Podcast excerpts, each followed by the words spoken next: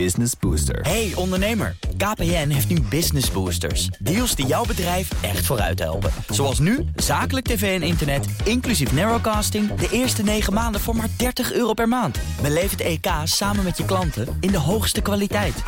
Kijk op kpn.com slash businessbooster. Business Booster. BNR Nieuwsradio. The Big Five. Diana Matroos. Jongeren met leerachterstanden en mentale klachten. De pandemie heeft er goed ingehakt. En nu alles weer wat normaler wordt en de scholen weer open zijn... maak ik de balans op. Wat is de schade? En heel belangrijk, hoe zorgen we ervoor dat deze generatie... straks gezond de arbeidsmarkt op kan? En daarom spreek ik deze week met vijf kopstukken... uit alle lagen van het onderwijs. Dat doe ik vanaf de Dutch Media Week... in het Nederlands Instituut voor Beeld en Geluid... En vandaag uh, doe ik dat met Annelien Bredenoort. Ze is vandaag exact een week rector magnificus van de Erasmus Universiteit. Daarnaast is ze ook senator voor D66, medisch ethicus en toezichthouder. Kortom, een heel erg uh, drukke portefeuille. Annelien, van harte welkom. Dankjewel. Wat is de meest uh, opmerkelijke reactie die je hebt gehad de afgelopen week? Oh, wauw. Um, nou, eigenlijk was het vooral opvallend dat ik deze week uh, ontzettend hartelijk welkom gegeten, geheten ben. Mensen waren ontzettend enthousiast. Ik heb heel veel mensen in het echt ontmoet. Dat was natuurlijk bijzonder dat uh, mijn installatie vorige week eigenlijk toch nog vrij onverwacht gewoon fysiek kon. Uh, waardoor er heel veel mensen waren. Dat is fijn. Dus ik heb meteen heel veel uh, nieuwe collega's ontmoet. Er zijn er heel veel mensen bezig met het feit dat je heel erg jong bent als rector magnificus. 42, je bent nog net niet de jongste, heb ik begrepen, in nee, die functie. Maar... Nou, ik ben op, op dit moment in functie wel het jongst. Um, maar er zijn mensen die jonger begonnen zijn ja. als rector. Nou, als ik heel eerlijk ben, heb ik daar niet zoveel over gehoord. Ik heb wel het een en ander gehoord over dat ik een vrouw ben. Want je bent de eerste vrouwelijke rector van de Erasmus Universiteit. Dat klopt, ja. En je ziet dat nu een eerste generatie vrouwen rector aan het worden is op Nederlandse universiteiten. Dus je ziet ook in, in Maastricht en in Leiden en Amsterdam, Groningen. Daar zie je dat nu eigenlijk nou, voor, voor het eerst de vrouwelijke rectoren zijn. Ja. ja. Ja, en dat zou niet bijzonder moeten zijn. Maar dat is het kennelijk nou, toch. Het is wel mooi in ieder geval dat het uh, nu gebeurt. Hè? Want dan kunnen bepaalde dingen ook wel veranderd worden. En daar zullen we zeker later nog over hebben... als het gaat over inclusiviteit. Uh, natuurlijk ga ik ook even de balans met jou opmaken... van wat is nou de invloed uh, van corona geweest... terwijl ze af en toe hier wat aan het verbouwen zijn. Dus als mensen dingen horen hier bij Instituut Beeld en Geluid... gebeurt van alles natuurlijk vanwege die Dutch Media Week... Um, hoe is het met jouw studenten? Nou, je ziet een grote veerkracht. Uh, maar je ziet ook dat uh, studenten ongelooflijk last hebben gehad... van de, de, anderhalf jaar coronapandemie. En dat ze nog steeds, dat het met een groot deel veel minder goed gaat... dan je eigenlijk zou willen bij mensen van deze leeftijd. Hè? Dus 18 tot 2, 3, 24. er is een monitor geweest naar het studentenwelzijn... en daaruit blijkt, dat zijn vrij recente cijfers van de studenten in Rotterdam dat uh, ja, toch een flink aantal sombere klachten... en een hoge mate van stress ervaart. En um, uh, we doen er nu alles aan. Dus er zijn allemaal programma's. Er zijn extra onderwijsgelden worden eigenlijk ingezet... om te helpen om uh, studieachterstanden in te halen... studentpsychologen aan te bieden. Dus heel erg dat mentale Mhm. welzijn om dat te bevorderen. Zowel online als in fysieke bijeenkomsten. Want je ziet ook studieachterstanden. Je ziet niet ja. alleen mentale problemen, maar ook... Er zijn ook wat studieachterstanden die blijken wel uh, mee te vallen. Uh, want eigenlijk is natuurlijk het onderwijs gewoon doorgegaan. Ja. He, de, maar het is wel allemaal omgezet in digitaal. Uh, de, voor de een is dat zwaarder dan voor de ander. Maar je merkt dus vooral eigenlijk dat het met hoe studenten zich voelen... eenzaamheid, stress, somber... Ja, dat, dat is gewoon niet hoe het zou moeten zijn bij nee. mensen in deze levensfase. Want je studententijd, uh, los van het feit dat je daar heel veel kan ontwikkelen... en moet uh, uh, kunnen leren... is het ook een tijd natuurlijk dat je andere jonge ja. mensen ontmoet. Dat je op avontuur gaat. Ja. Dat je ook leert zelf ja, eigenlijk je, je eigen leiderschap en je grenzen te ontdekken. En maak je je er ernstige zorgen over? Gaat het echt om diepe mentale problemen? Grote groepen jongeren? Of denk je, nou het is allemaal wel te overzien? Nou, ik maak me er wel zorgen over. Maar ik weet, weet ook dat dit een leeftijdsgroep is... waar mensen ontzettend uh, veerkrachtig zijn. Maar ik denk wel dat, dat wij ook als universiteit er bovenop moeten zitten. En dat doen we ook. En ook uh, ik zelf ook nodig studenten ook zoveel mogelijk uit... om zoveel mogelijk naar de campus te komen. En zoveel mogelijk weer met elkaar. Want uiteindelijk gaat het gewoon ook om die ontmoetingen. En um, we zijn ook wel aan het nadenken over Kunnen we wat leren eigenlijk van de digitalisering van de universiteit... die we noodgedwongen door corona hebben moeten doen. Maar ja, wat we uiteindelijk nu moeten gaan kijken... Hè, van wat, wat wil je uiteindelijk digitaal gaan doen. Maar het meeste wil je toch fysiek op een campus doen... want je leidt niet alleen studenten op... maar eigenlijk ook een ja, nieuwe generatie leiders, de cultuurdragers. En het gaat dus ook over uh, socialisatie. Mijn gast gisteren zei dat ook. Hè? Het is heel belangrijk dat die verbinding er is... omdat je van elkaar ook zo ontzettend veel leert. Absoluut. Absoluut. En je wilt ook, er zijn ook, uh, wat ik heel aantrekkelijk vind aan de Erasmus Universiteit. Je hebt heel veel verschillende type uh, studenten. De, je hebt studenten die, laat maar zeggen, eerste generatie student zijn. Uh, waarbij de ouders ook lang niet altijd heel goed Nederlands praten. Uh, die zitten bij ons in de collegebankjes. Je hebt kinderen van ouders die al vele generaties gestudeerd hebben. Je hebt studenten die uit Zeeland komen. Bijvoorbeeld uit gereformeerde gezinnen. En die komen allemaal bij elkaar om bijvoorbeeld een studie economie te doen of sociale wetenschappers te studeren. Ja. En dat is natuurlijk prachtig, dat je dat, je dat bij elkaar kan zetten. Uh, ik zou je willen vragen om ietsje dichter bij de microfoon uh, te komen zitten. Want we zijn een beetje aan het stellen met het uh, geluid... zodat we je nog beter kunnen horen. Um, goed, die mentale gesteldheid is dus wel echt een ding. Wat, wat, wat kan je nou doen als universiteit om dat op te lossen. En misschien eigenlijk nog wel een vraag daarvoor. Ik weet dat je er nog maar net een week zit. Maar ik denk dat de universiteit wel ook terugkijkt van hoe hebben we dat gedaan.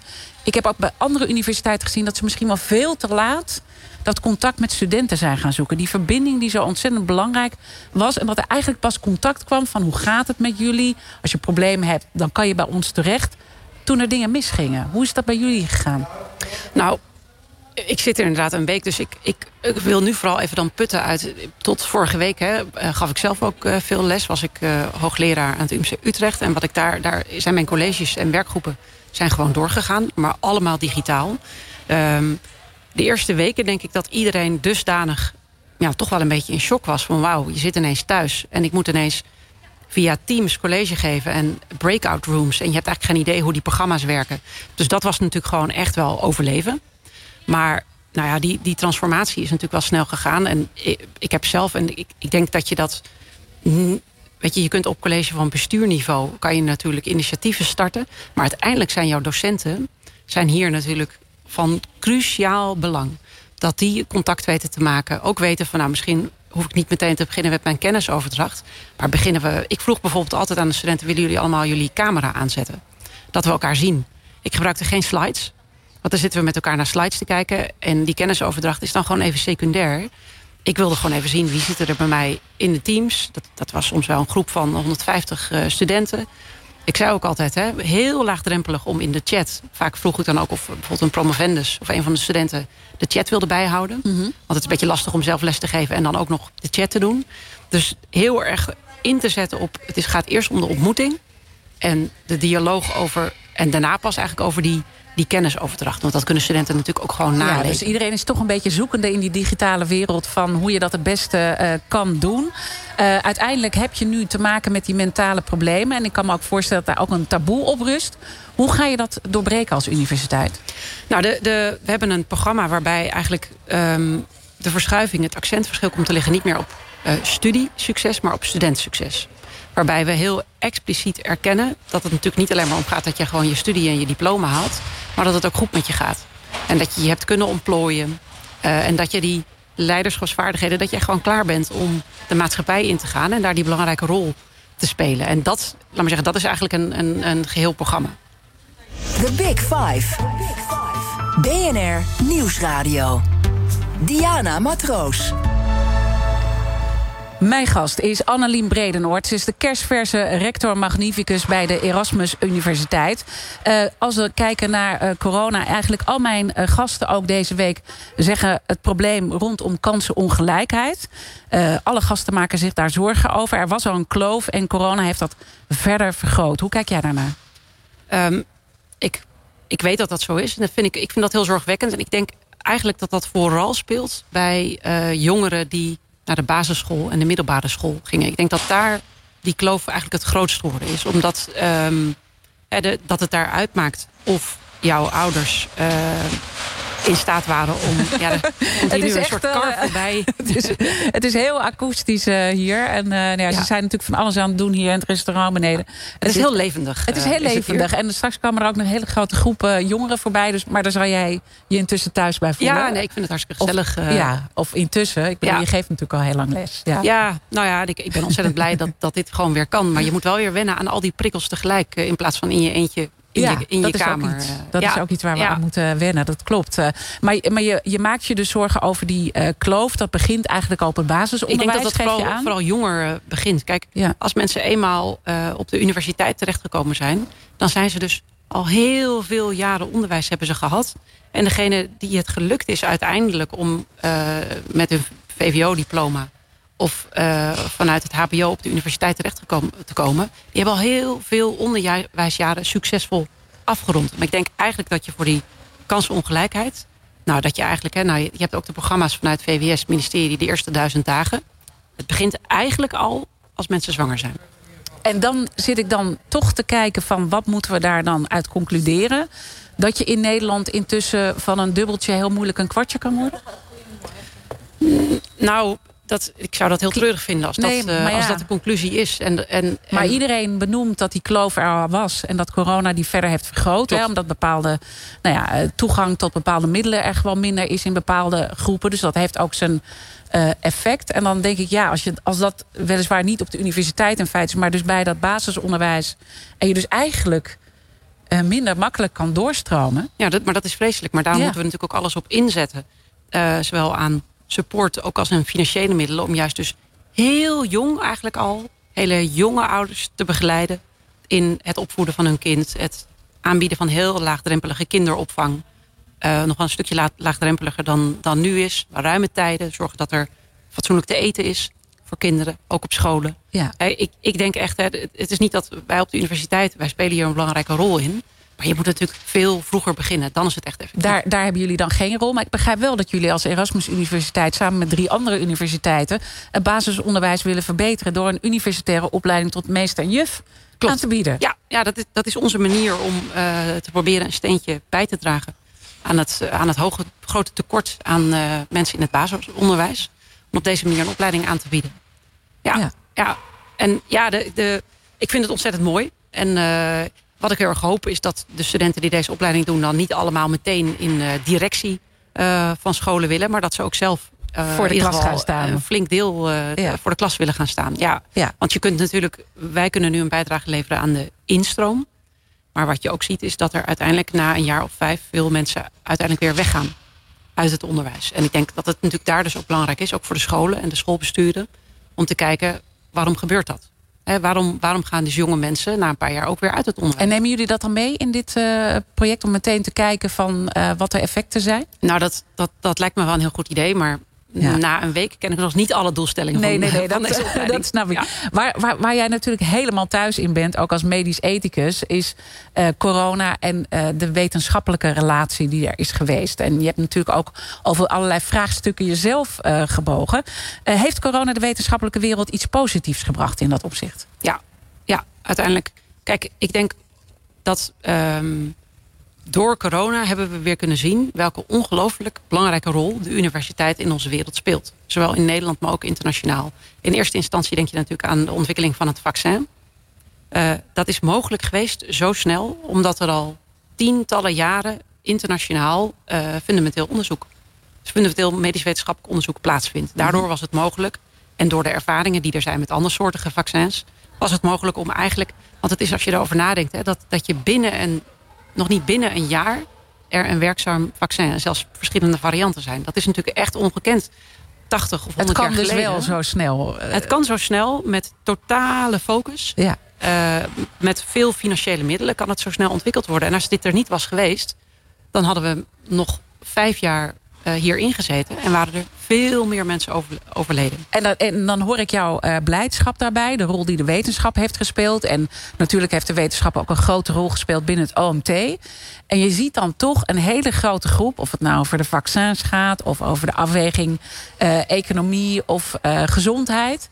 eh, Dat er ook een hele grote groep is. En die groep wordt ik denk dat straks het hele instituut Beeld en Geluid hier instort. Uh, maar wij blijven gelukkig ja. overeind hier. Um, dan, dan kan ik me ook uh, voorstellen dat dat je ook wel zorgen baart. Dat er gewoon ook een hele grote groep is... en dat was voor corona al aan de gang... die toch ook afhaakt bij de wetenschap. Ja, nou, eerst wil ik nog even zeggen dat het is, dit is het, het obvious voorbeeld natuurlijk van de vaccins. Uh, vergeet niet de rol van de gedragswetenschappen, uh, communicatiewetenschappen, ethiek. Hè? Dus het, het, het geheel. Um, er is altijd... Ze gaat nu iets doen met communicatie, hè? eindelijk. Uh, ja. Gedragswetenschap. Maar goed. Um, kijk, de, de, de, er is altijd, het, het, is best wel snel gegaan met het vaccin. En uiteindelijk is er altijd een, een groep die kritisch kijkt naar naar instituties in het algemeen. We weten ook dat mensen die kritischer of meer wantrouwen hebben bij maatschappelijke instituties, die kijken ook kritischer naar de resultaten van wetenschap. En dan maar gewoon zeggen, maar het werkt. En, uh, en jij bent gek als je het niet gelooft, dat werkt niet.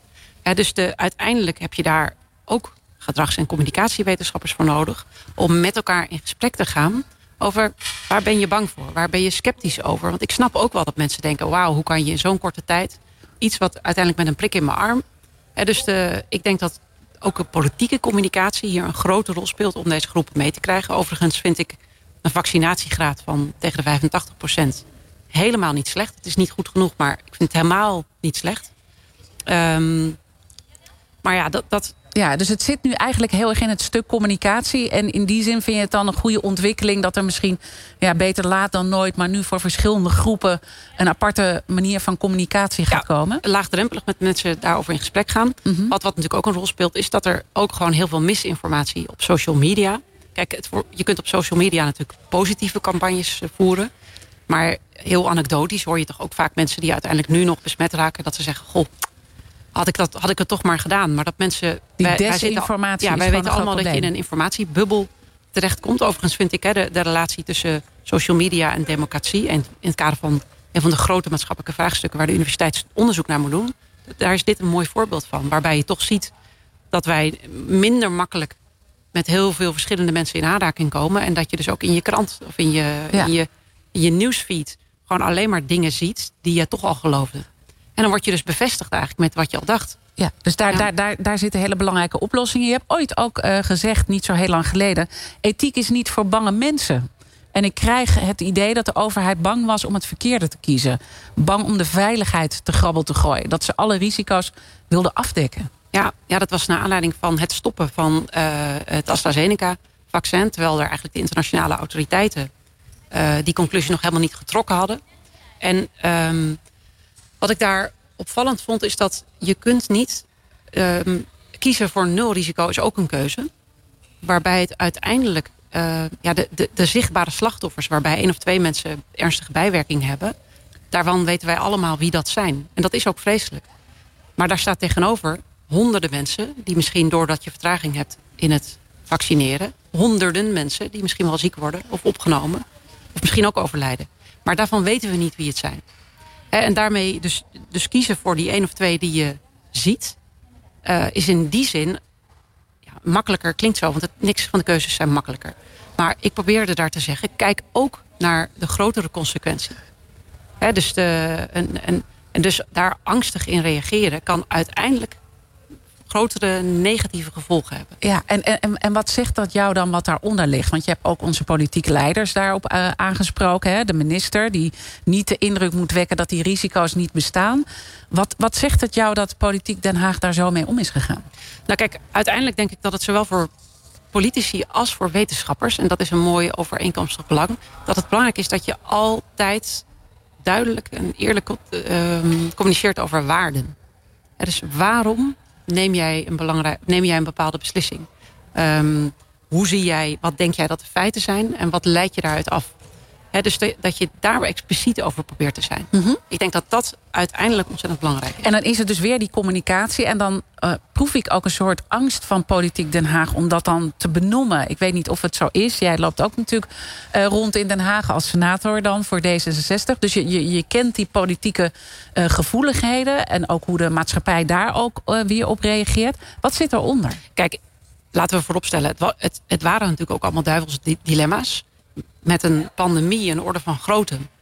waar wij allemaal in ons leven nog nooit mee geconfronteerd zijn. dus ik, moet ook echt navigeren in de mist, hè, zoals Ah, eh, eh, absoluut. ook zei. En, Ja. ehm, eh, en ook als je vaak zegt hè, van ja, we moeten beslissingen nemen op basis van beperkte kennis. Kijk, als je dat vaak genoeg ook maar zegt. En dat is natuurlijk ook zo. Dat geldt ook voor wetenschap. Hè, dat je heel vaak zegt van dit is de kennis die we nu hebben. Mhm. Maar het hele idee is natuurlijk dat je het toevoegt. En dat je het ook weer onderuit haalt.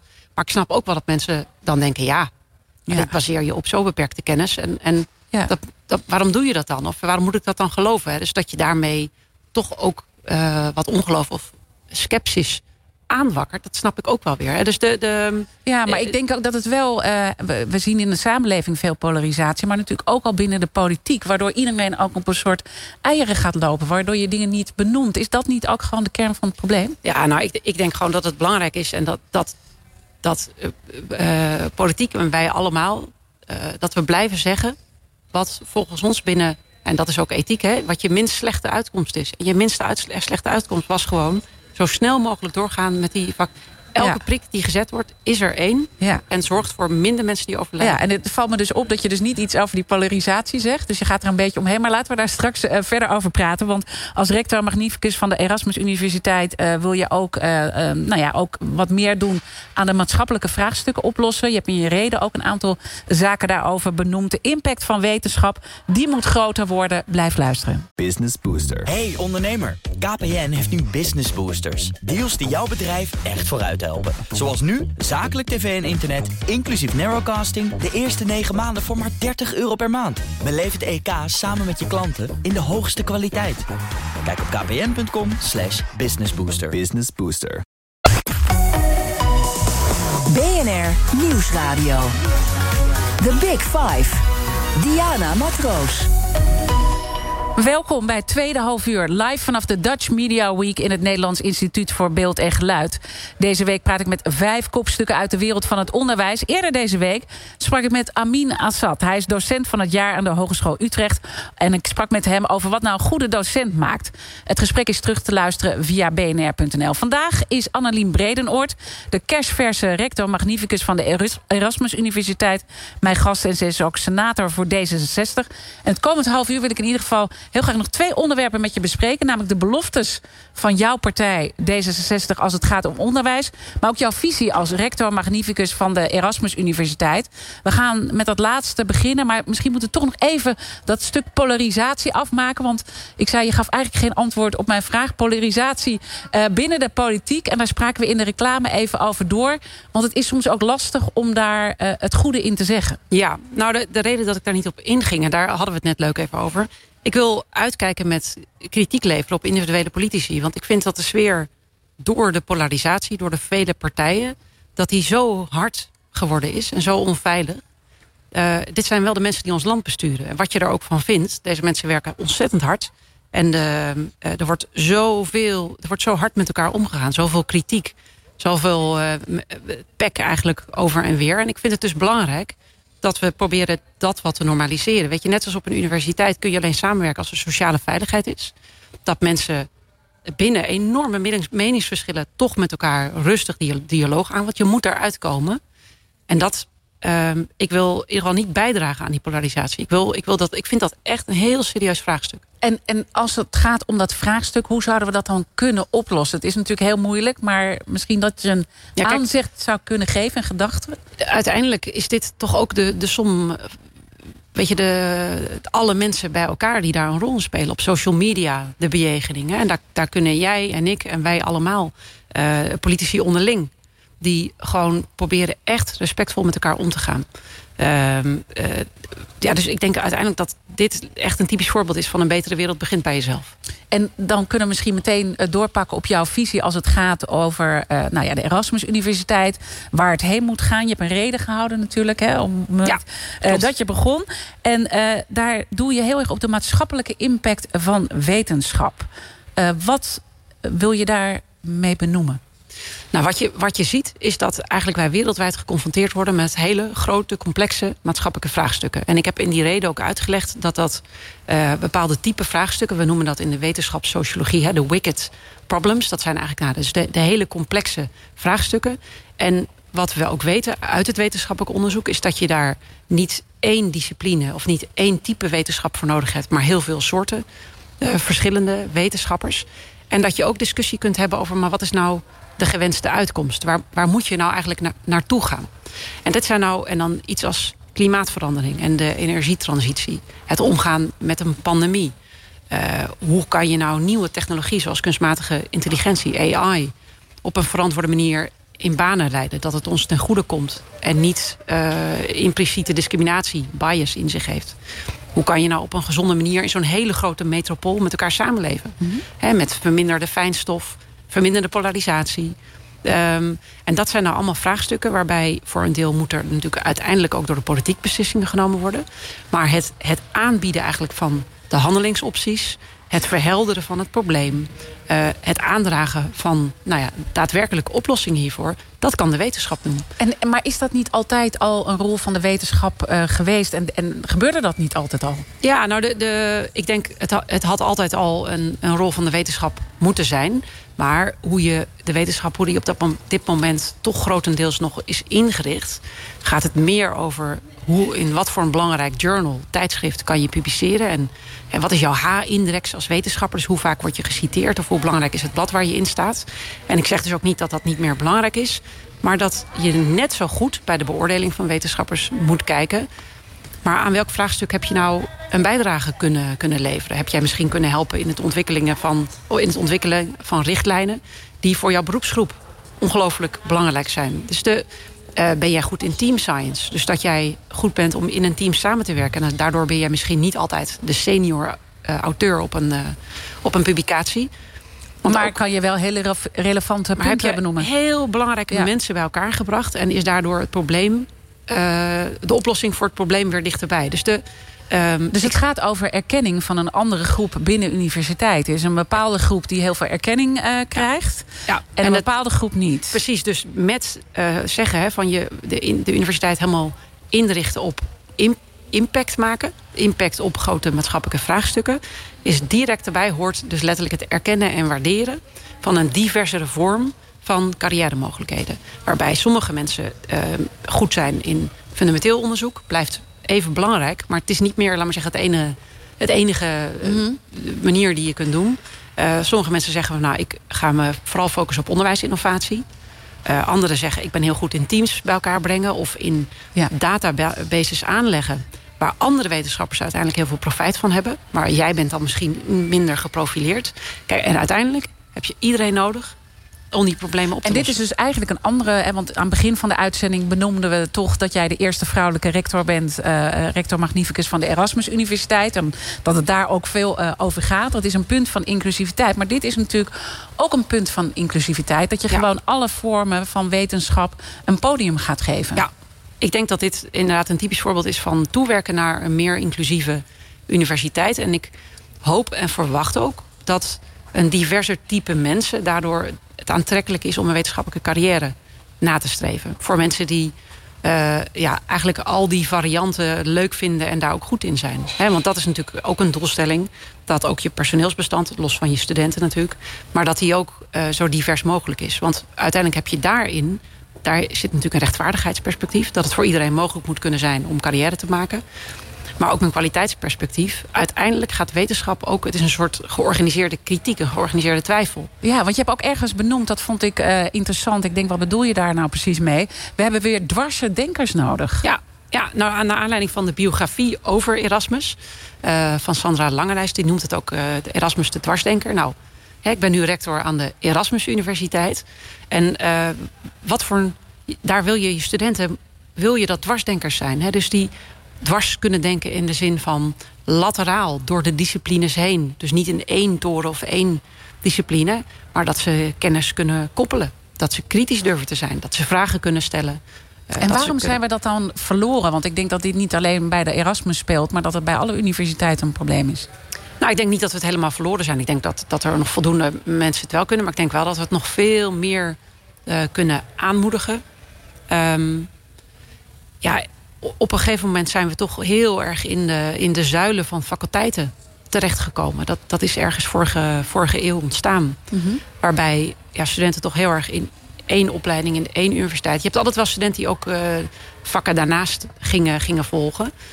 Maar je zou dat als universiteit nog veel meer kunnen aanmoedigen en faciliteren. En ook voor de wetenschappers nog veel meer kunnen aanmoedigen um, om ja, verrassende ontmoetingen, verrassende samenwerkingen. Ook buiten de universiteit trouwens. Hè. Dus ook bijvoorbeeld door één of twee dagen in de week misschien wel een andere baan te doen. Of uh, samen te werken met de patiëntenvereniging. Met, um, dus dat je echt crossovers krijgt. Ja, uh, want als jij, dat je elkaars denkbeelden gaat ja, beïnvloeden. Ja. Want als jij een bijdrage wil leveren aan problemen in de praktijk... ja, dan moet je wel af en toe die praktijk in. Ja.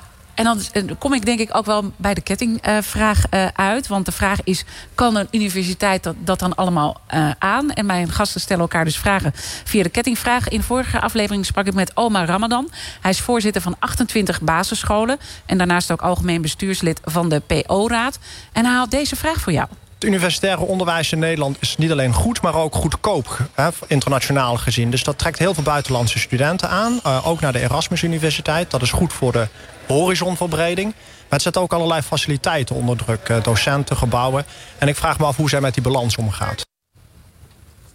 Ja, interessante vraag. Uh, ik ben er eigenlijk wel trots op dat de universiteit zo internationaal is. Een, een groot deel van de vergaderingen en het onderwijs is ook in het Engels. Ik denk dat het voor de ontmoeting en voor een van de Erasmiaanse waarden is cosmopolitisme.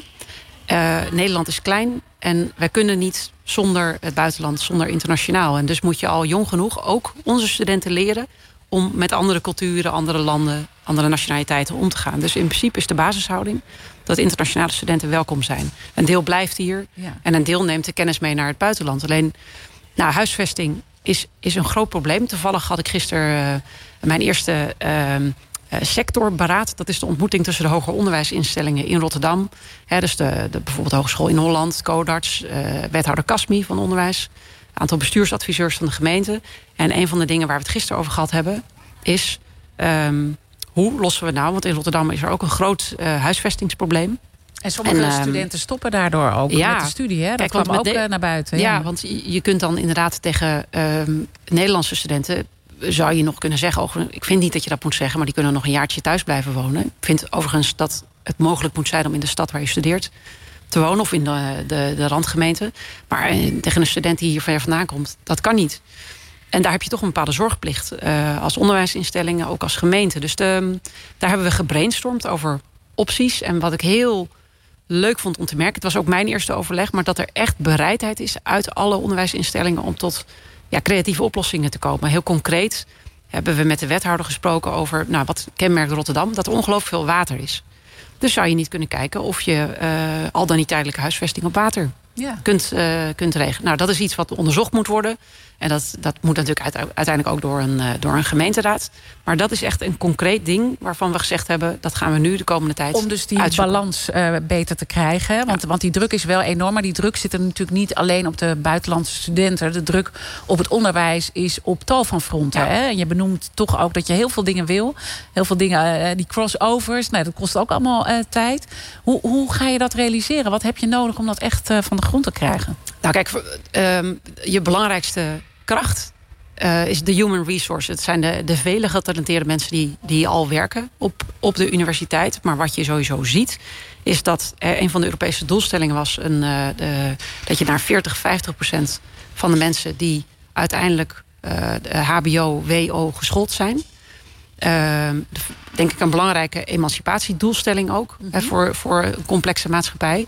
Maar um, dus het de studentenaantal is enorm gegroeid de financiering van het wetenschappelijk onderwijs is niet navenant meegegroeid. En er is ook een, een recent PwC-rapport geweest dat laat zien dat je toch. Uh, dat er meer dan een miljard eigenlijk bij zou moeten komen om die balans -hmm. tussen het groeiende aantal studenten en eigenlijk de werkdruk van je personeel, hè, WO in actie. Om dat bij te kunnen houden. Om nou ja, bij te kunnen om, houden. Om internationaal natuurlijk relevant te blijven. Want uh, volgens mij in datzelfde onderzoek wordt ook benoemd... dat we hier één docent op 30 studenten hebben.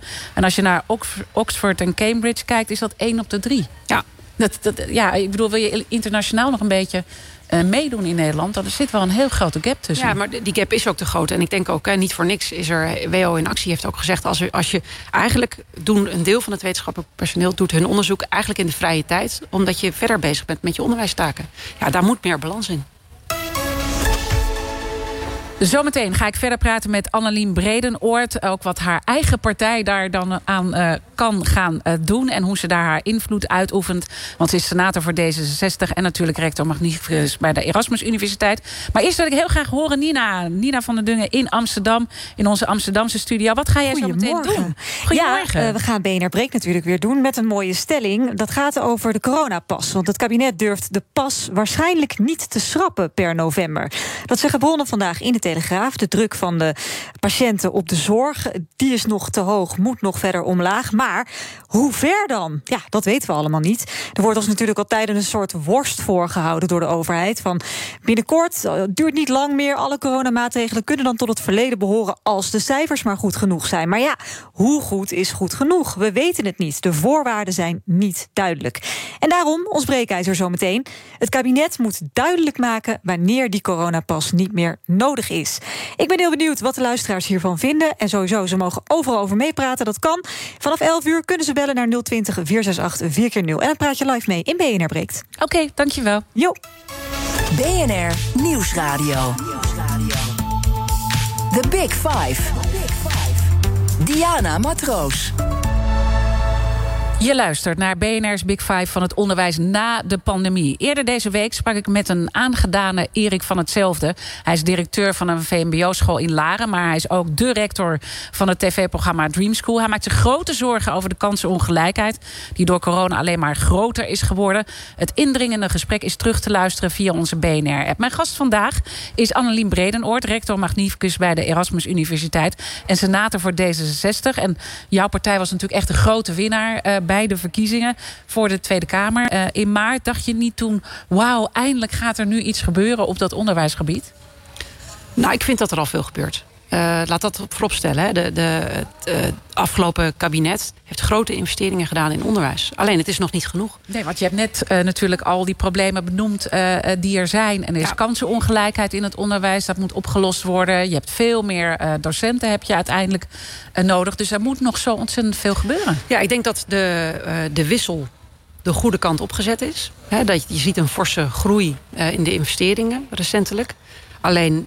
Um, ja, daar, moet fors meer bij om uiteindelijk al die ambities waar te maken. En ook om te zorgen dat in de long end ook de Nederlandse wetenschappers het volhouden. Hè? Want de, de, de, de werkdruk is enorm. Um, en de kwaliteit van het onderwijs is fantastisch hoog. Hè? Je ziet dat de universiteiten ook internationaal heel goed scoren. Maar ja, weet je, op een gegeven moment is de rek daar natuurlijk ook uit. Ja, en tegelijkertijd hoor ik internationaal gezien in de hele week... en het hangt ook natuurlijk wel een beetje van de onderwijslagen af... waar je in zit, maar doen we het gewoon uh, internationaal gezien niet goed. Uh, ja, laaggeletterdheid ja. neemt ook uh, toe. Hè? Als ja. je eigenlijk kijkt, dat is dan tot 15 jaar... een OESO-onderzoek wat mijn gast gisteren ook benoemde. Dus als we toch even in de breedte... Uh, ook naar het onderwijs uh, kijken. Hè. Toen Pechtold uh, leider was van D66 was jij zijn vertrouweling. En in 2018 kwam, kwamen er ook berichten naar buiten. Leraren hebben een stuk minder vertrouwen gekregen... in de onderwijspartij D66. hoe, hoe, D66 had natuurlijk grootse plannen. Dus hoe moeilijk is dat om dat voor elkaar te krijgen? En wat vraag jij nu van Kaag? Nou, ik... ik Weet je, ik ben niet in de positie om hier iets van, van Kaag te vragen. Ik denk, het gaat natuurlijk om D66 als geheel. En daar is altijd, is onderwijs is een topprioriteit geweest. Dat is ook de afgelopen jaren zo geweest. En dat, dat moet het ook de komende jaren zijn. Hè. Kijk, ik ben ook al twintig jaar wetenschapper. En ben niet voor niks bij deze partij aangesloten. Omdat dit, dat er een breed gevoel zit in het DNA van de partij... om ook onderwijs echt een belangrijke prioriteit te geven. En dat zal het ook blijven. Ja, dat, dat maar dat blijven, gevoel ja. is er wel. Maar je moet wel natuurlijk Kijk, iedereen meekrijgen. Dus het is dus... natuurlijk ook interessant dat mensen weten ook... Uh, mensen zetten ook je hoop in vertrouwen. Mensen weten dat we dit belangrijk vinden. Mm -hmm. En verwachten ook iets van ons op dat gebied. En dat is ook terecht. Net zoals dat hè, de, wij ook, ook al jaren zeggen... Hè, we willen wat doen aan het klimaatvraagstuk. En terecht verwachten mensen ook dus dat je, dat je levert, dat je presteert op dat gebied. Maar ja, en er zijn dus dan ook een... teleurstellingen. Ja, ja. ja. Een flinke teleurstellingen. Ja, kijk, ik bedoel, de, de, uh, het onderwijspersoneel uh, is, is massaal gaan staken natuurlijk in uh, 2019 en 2020. En eigenlijk zijn ze nu een beetje stil. Maar de problemen zijn niet opgelost. Nee, kijk, het, het lastige is natuurlijk dat je ook niet... Um, wat interessant en ook mooi aan Nederland is... je bent een coalitieland. He, dus het is een... het, het, Den L noemde het niet voor niks. De smalle marges van de Nederlandse politiek. Want uh, de heel grote budgetten zijn, worden natuurlijk als standaard uitgegeven. Hè, aan 90 miljard aan, uh, aan zorg. Mm -hmm. uh, heel groot deel aan sociale zaken. En hè, dus de, de, de wissels bijzetten. Het is een soort olietanker. Dat gaat relatief langzaam. En dan zie je dus ook nog dat al die partijen daar net andere accenten leggen. Of zelfs forse andere accenten. Dus het is ook uh, ja, met z'n allen steentjes in de vijver leggen. En als je groter bent als partij, hè, D66 nu 24 zetel... kan je een grotere steen in de vijver leggen. Maar nog steeds uh, zijn ja. er heel veel anderen die er steentjes in doen. Dus ja, ik kan niks anders. Het inter interessant wat je benoemt over uh, zorg, hè, waar heel veel geld uh, in omgaat. Ik heb ook wel eens gehoord dat in politiek Den Haag er ook wel wat frustratie is. Dat er wel heel veel geld gaat naar zorg ja. in Nederland. En dat dat misschien ook, dat we daar misschien ook wel andere medische, ethische discussies moeten voeren... wat we nou willen met de zorg. En dat er meer naar onderwijs kan daardoor. Ja. Vind je dat ook? Ja, dat vind ik ook. Uiteindelijk uh, denk ik ook dat... Dat je, maar dat, daar is ook wel een brede consensus over. Dat je op deze manier... De zorg kan niet zo doorgroeien. Alleen al omdat er gewoon geen personeel meer voor is. Er is nu al een enorm tekort, tekort aan verpleegkundigen. En als je doorgroeit op deze voet... dan heb je over tien jaar... moet één op de drie, één op de vier mensen in de gezondheidszorg werken. Ja, dat je, je kunt opleiden wat je wil... maar daar krijg je de mensen niet voor. Dus de, daarin... en waarvoor wordt er veel zorg uitgegeven? Voor chronische ziekten. Nou, een deel van die chronische ziekten, die kan je voorkomen. Dus toch echt een radicale omslag, omslag naar preventie. We moeten het ook niet hebben, we moeten het over gezondheid hebben, ook niet over zorg. Maar we moeten he, veel meer daar eigenlijk Ja, het heet ook al een studie medicijn. Hè? Ik bedoel, ja. alleen dat woord al... Ja, of geneeskunde. Uh, maar eigenlijk, geneeskunde, ja. ja de, de, de, waarschijnlijk moet je veel meer inderdaad in, in die termen... in die positieve gezondheidstermen gaan denken. Want anders ja, is het toch een beetje kraan, dweilen met de kraan open. Ja. Ligt daar misschien ook een rol voor de Erasmus? Om, uh... Nou, ik weet dat de, de, de uh, wetenschappers uh, aan de Erasmus... doen al heel veel wetenschappelijk onderzoek... eigenlijk naar mogelijkheden om zorgkosten te verminderen... Uh, het systeem slimmer in te richten. Maar uiteindelijk vergt dat ook een, een gedragsverandering. Uh, de gasten stellen elkaar vragen via de kettingvraag. En je, uh, natuurlijk ga ik aan jou ook een vraag vragen te stellen aan de volgende gast. Dat is de eerste gast in BNR's Big Five van Psyche en Werk. En dat wordt gepresenteerd door mijn collega Paul van Liemt. En zijn eerste gast is Christian Vinkers, psychiater en hoogleraar stress en veerkracht. Wat zou je hem willen vragen? Nou, ik vind het heel leuk dat ik Christian een vraag mag stellen. Want ik zat ooit met hem in de jonge academie. Dus wij, wij kennen elkaar ook. En ik weet dat Christian veel weet van, uh, over stress bij mensen. En chronische uh, psychische vraagstukken. Dus ik zou graag het advies van Christian willen hebben... wat wij als Erasmus Universiteit kunnen doen... om het mentale welzijn van onze studenten na corona te verbeteren. Hele mooie vraag, want dat benoemde je natuurlijk. Dat is echt wel een probleem en daar worstelen natuurlijk alle universiteiten mee. Dus een antwoord op die vraag is natuurlijk heel uh, waardevol. Uh, ja, je bent eigenlijk een, een, een, een nieuw gezicht in een oude wereld. Uh, zeker op de plek die je nu hebt als rector magnificus. Nou, Kaag heeft dat natuurlijk op, op haar manier ook. Leren jullie iets van elkaar in deze tijd? Oh, wauw. Nou, ik moet zeggen dat ik sowieso veel van Kaag, hè, hoe die uh, in de wind staat en uh, de waardeagenda eigenlijk naar voren weet, te brengen, duidelijk probeert te maken waar, waar zij en D66 voor staat, heb ik, heb ik groot respect voor. Want dat is niet makkelijk, zeker niet in deze, waar we het net ook al hadden, over hadden, gepolariseerde politiek, waarbij je toch merkt dat, um, of dat nou is of dat ze een vrouw is, een nieuw gezicht. Maar uh, de kritiek en de pijlen zijn ook wel erg op haar persoon gericht.